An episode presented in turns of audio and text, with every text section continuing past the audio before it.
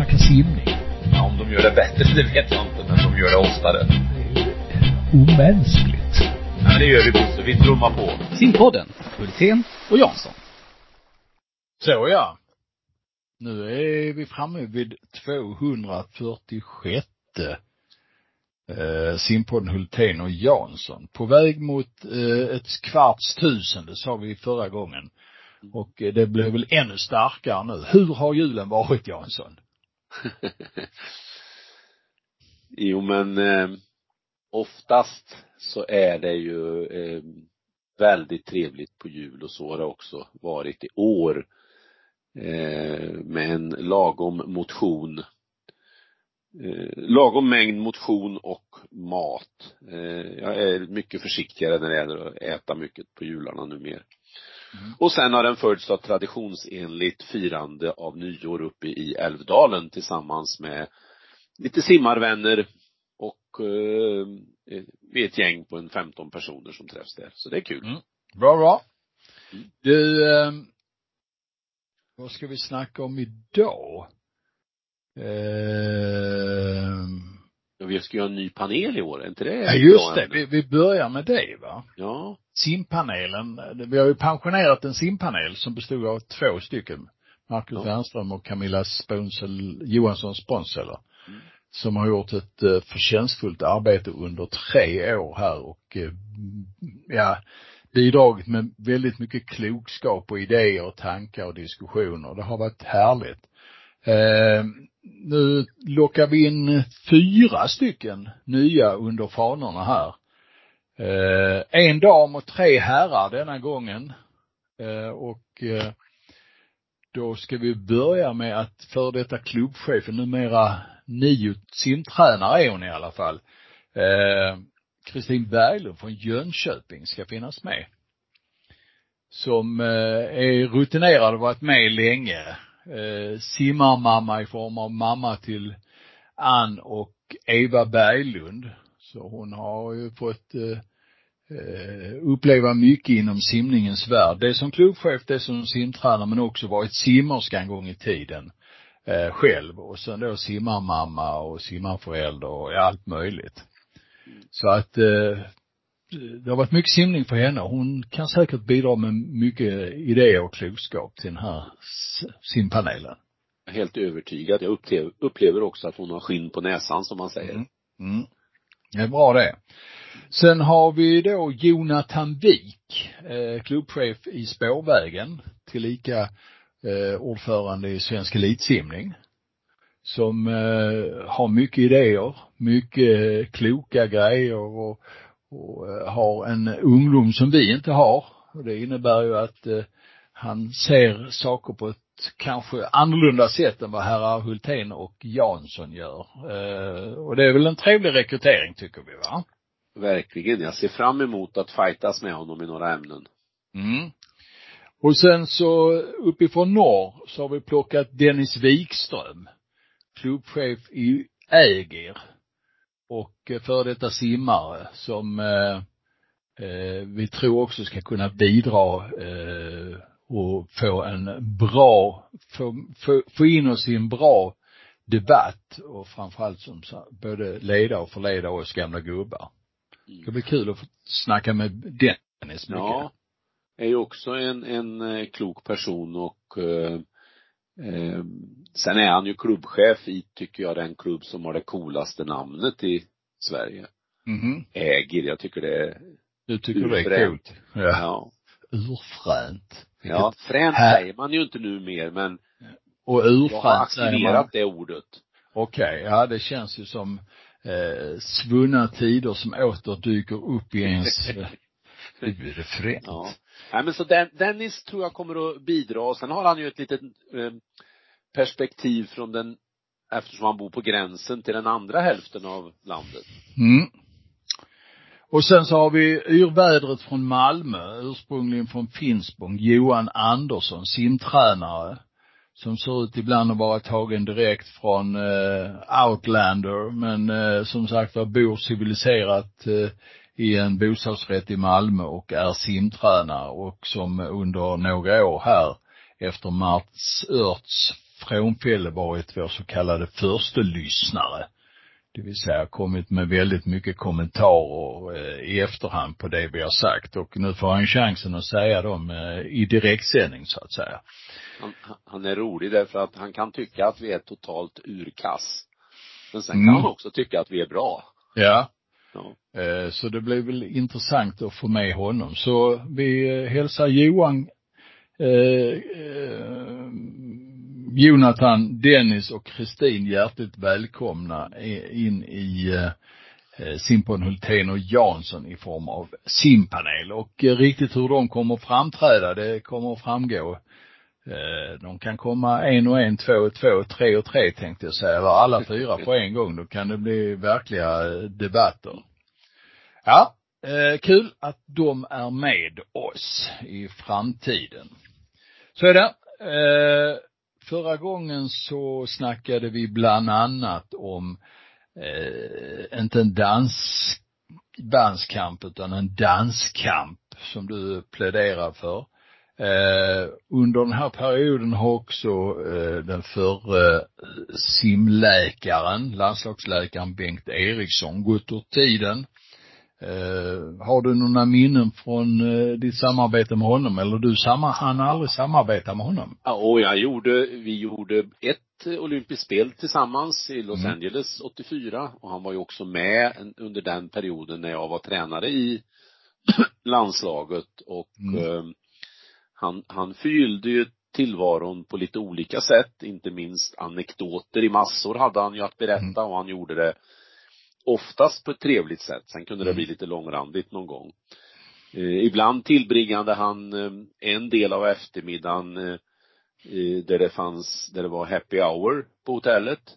Eh, och det innebar inte att han satt och eh, drack sig full, men han gillade att ta ett glas eh, vitt till exempel och njuta utav det.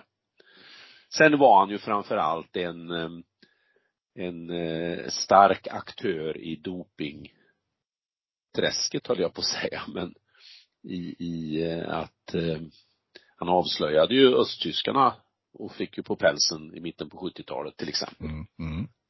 Han var en vit man i do, det svarta dopingträsket, kan man säga så? Ja, lite grann.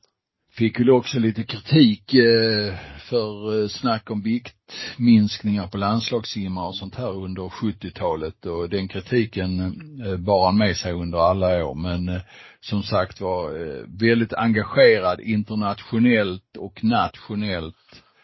Fanns med både i Pina och Len och gjorde mycket arbete där under många, många år. Så att vi lyser frid över hans minne.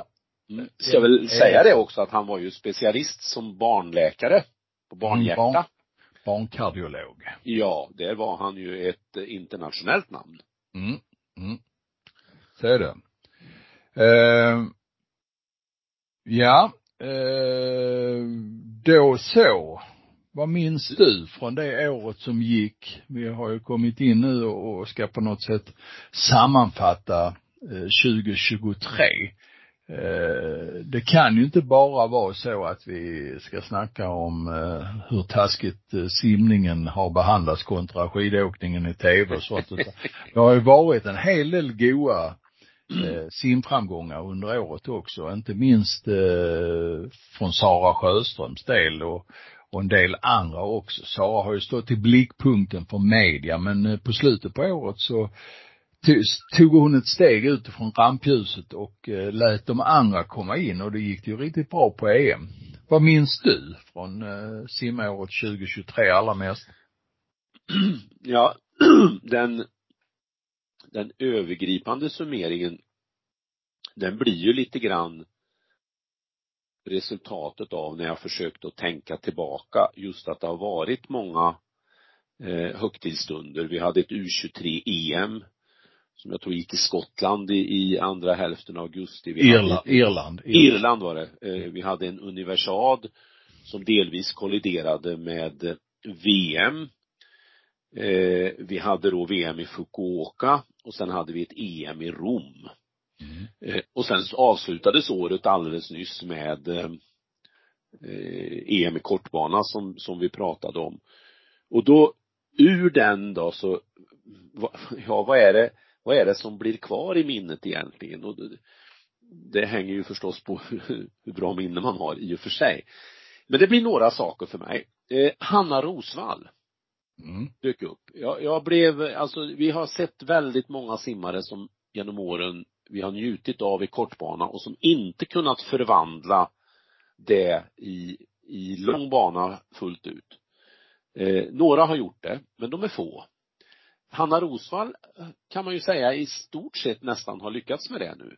Mm. Det, det är, hon, hon, är, hon är ju fortfarande lite bättre i, mätt i ett internationellt perspektiv i kortbana, men tog stora steg. Och eh, eh, hopp, man hoppas ju verkligen att det ska leda till att det blir ytterligare kliv inför då sommaren. Så det är det ena jag minns. Mm. Sen fastnar också Björn Seliger i mitt huvud på det viset att han under pågående Europamästerskap var det väl experimenterade på vilket sätt han skulle simma 100 frisim. Han hade då ett lopp där han simmade med toköppning eh, första 50. Sen hade han ett lopp där han simmade eh, toklångsamt om jag uttrycker mig så. Och sen hade han ett lopp där det var lite mer balanserat och, och gör ju en hundring frisim på eh, startsträckan var det väl i laget på 48 och några låga tiondelar. Och det som fastnade då var just det här att han, som jag upplevde det, vågade i ett skarpt läge ta ut svängarna lite grann. Och förhoppningsvis då få med sig lite av det. Och då kan jag tycka, det är intressant att du just kommer till de här två. För då som eh, häcklare i logen, ni kommer ihåg de här två gubbarna som satt eh, i Muppet Show där uppe och, och tittade ner, så kan jag tycka, vad fan gör man de experimenten på ett Europamästerskap? Det finns väl andra tillfällen när man kan göra den typen av experiment. Och då menar jag att man ska delta i tävlingar där man simmar fort och simmar på bra kvalitet, där man kan utföra sådana experiment och ha sin plan klar när man kommer till ett EM. Um, ehm, och han har ju inte, alltså han är ju inte, han är duktig och han är väldigt lovande fortfarande och han eh, har en bra kortbanekarriär men han har ju inte presterat så speciellt mycket lång bana nu, även om vi alla tror att han ska komma. Och sen så nämnde du Hanna Rosvall som jag tyckte gjorde också som, hon gjorde en klassresa i lång bana. Men sen så när hon kommer tillbaka till sitt ursprung, eh, kortbanan, så simmar hon tre grenar eh, på kortbane-EM, där hon först i den sista grenen eh, lyckas simma på sin talang och sin nivå, det vill säga på 100 ryggsim. Däremot så går hon inte till final på 200 där hon mycket väl kunde varit och krigat om medalj kanske. Hon var inte i final på 50 ryggsim. För jag tror att hon har tävlat alldeles för lite under kortbanesäsongen. Så hon tävlade sig i form under EM. Och det, då är det exempel, tycker jag, på två stycken simmare, sett utifrån, utifrån min synvinkel, som inte har gjort sin hemläxa och inte haft en riktig plan inför de här två mästerskapen. Förutsatt nu att man inte bara behandlar de här mästerskapen som vilken träningstävling som helst. För det är det inte när man är uttagen eh, som svensk landslagssimmare och deltar på ett EM. De två simmarna här, de har inte, är inte uppe på den nivån som de kan ha EM som någon, någon eh, träningstävling. Därför är jag kritisk mot nej, deras Nej men alltså du, du, du, du är ju oftast, ofta en klok man och eh, synpunkter som man inte delar kan man ändå inse att det finns ett, ett klart sätt att se det från det horisonten. Men jag, jag tror Björn lite grann eh, är hämmad av att han inte eh, simmar så många långbanetävlingar på ett år.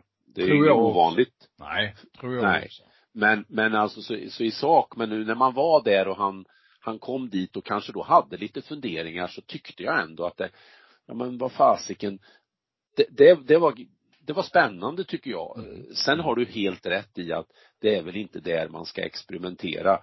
Och, och, och på Björns belastningssida ligger ju definitivt det här att han eh, till exempel försökte kvalificera sig, eller han kvalificerade sig till OS Men gjorde det genom att simma eh, fort på 50 frisim i ett 100 meters lopp och det är jag ju direkt allergisk mot. Mm. Men ändå så kändes det som att, ja men, han är udda. Och de udda ja, ja. där, de kan bli, det kan bli spännande. Absolut. Sen är väl Hanna förlåten, hon hade väl magproblem i, Var det innan, så? ja. Mm. Ja, till, till, till kortbane-EM. Så att jag, jag tror det kan okay. finnas något där. Men vad som mer fastnade då, eh, det, det var ju eh, förstås Sara Sjöström.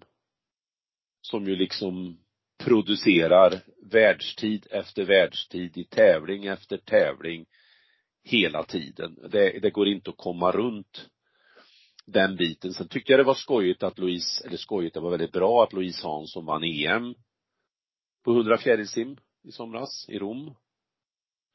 Eh, så att det, det fanns ju många godbitar men de blek, alltså det, det blir ju inte det intrycket som blev efter kortbane-EM nu efter sommaren. Efter sommaren var det mycket Sara och några enstaka, men inte laget. Men efter kortbane-EM nu, då var det laget. Mm. Och inte Sara. Sara var ju inte ens med i och för sig. Mm. Eh, men, och summerar man då det här att det är så många mästerskap, så vattnar det ju ur värdet utav varje enskild prestation på ett vis. Mm. Så är det. Det gör det ju. Mm. Mm. Så att eh, många minnen men ändå inga minnen kan man sammanfatta det. Nej, det är inte bra när vårt eh, simmedvetande blir som att eh, gå med fötterna på en sandstrand som sköljs över vågor sen och försvinner av vågor eller vind.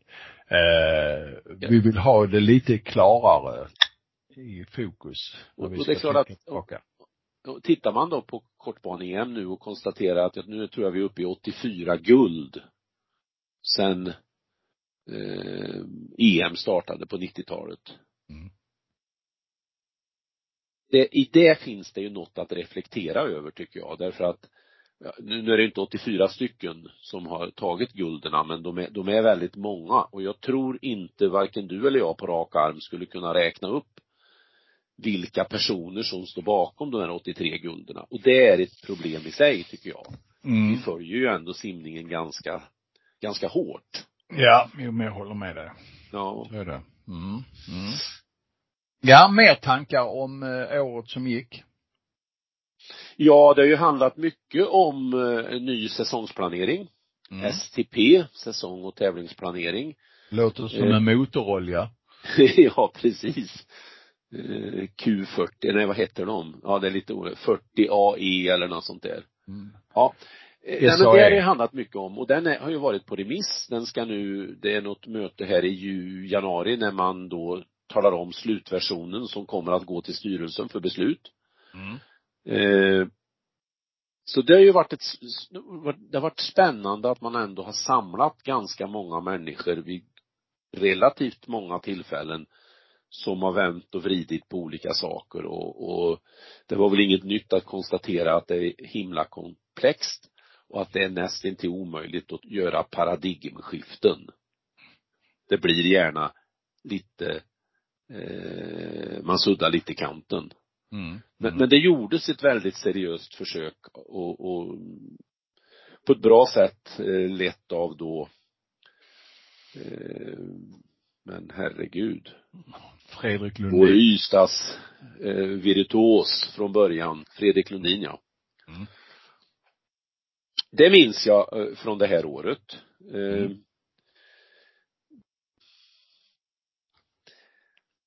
Ah, sen, sen är det, jag tyckte det var ascoolt när man behöver ju inte bara använda ordet eh, fränt. Man kan ju vara lite modern också och säga ascoolt. Viktor Johansson går upp på världsbästa listan. Mm. Viktor Johansson simmar på 7.33 eh, två, alltså i den nivån två gånger under hösten. Han, han simmar på SM i närheten av de tiderna. Alltså det var ju lite spännande. Om det sen, hur man då ska värdera det i ett tänk kring OS, finaler, medaljer, det, det kanske vi kan, vi ska väl prata lite OS va? Mm. Mm. Så det är vad jag Men, minns. Och du då? Vad, vad, vilka mer tankar får du från 23? Ja du. Inte mycket. Inte mycket. Nej men det är väl ungefär som du. Eh, jag tänker väl också på att eh, eh, simningen har varit där nästan varje dag, att den bara växer och blir starkare och starkare internationellt sett. Eh, att resultaten eh, både på topp och på bredd internationellt sett blir vassare och vassare. Att eh, gör man 1.44 eh, eller 1.45 ska sägas på 200 frisim i kort bana för herrar, så då är man ju inte topp tre. Ingenting. Nej, Nej, ingenting. Det är ingenting. Nej. Eh, och alltså på något sätt så, så blir det, det blir lite urvattnat på det sättet va. Mm.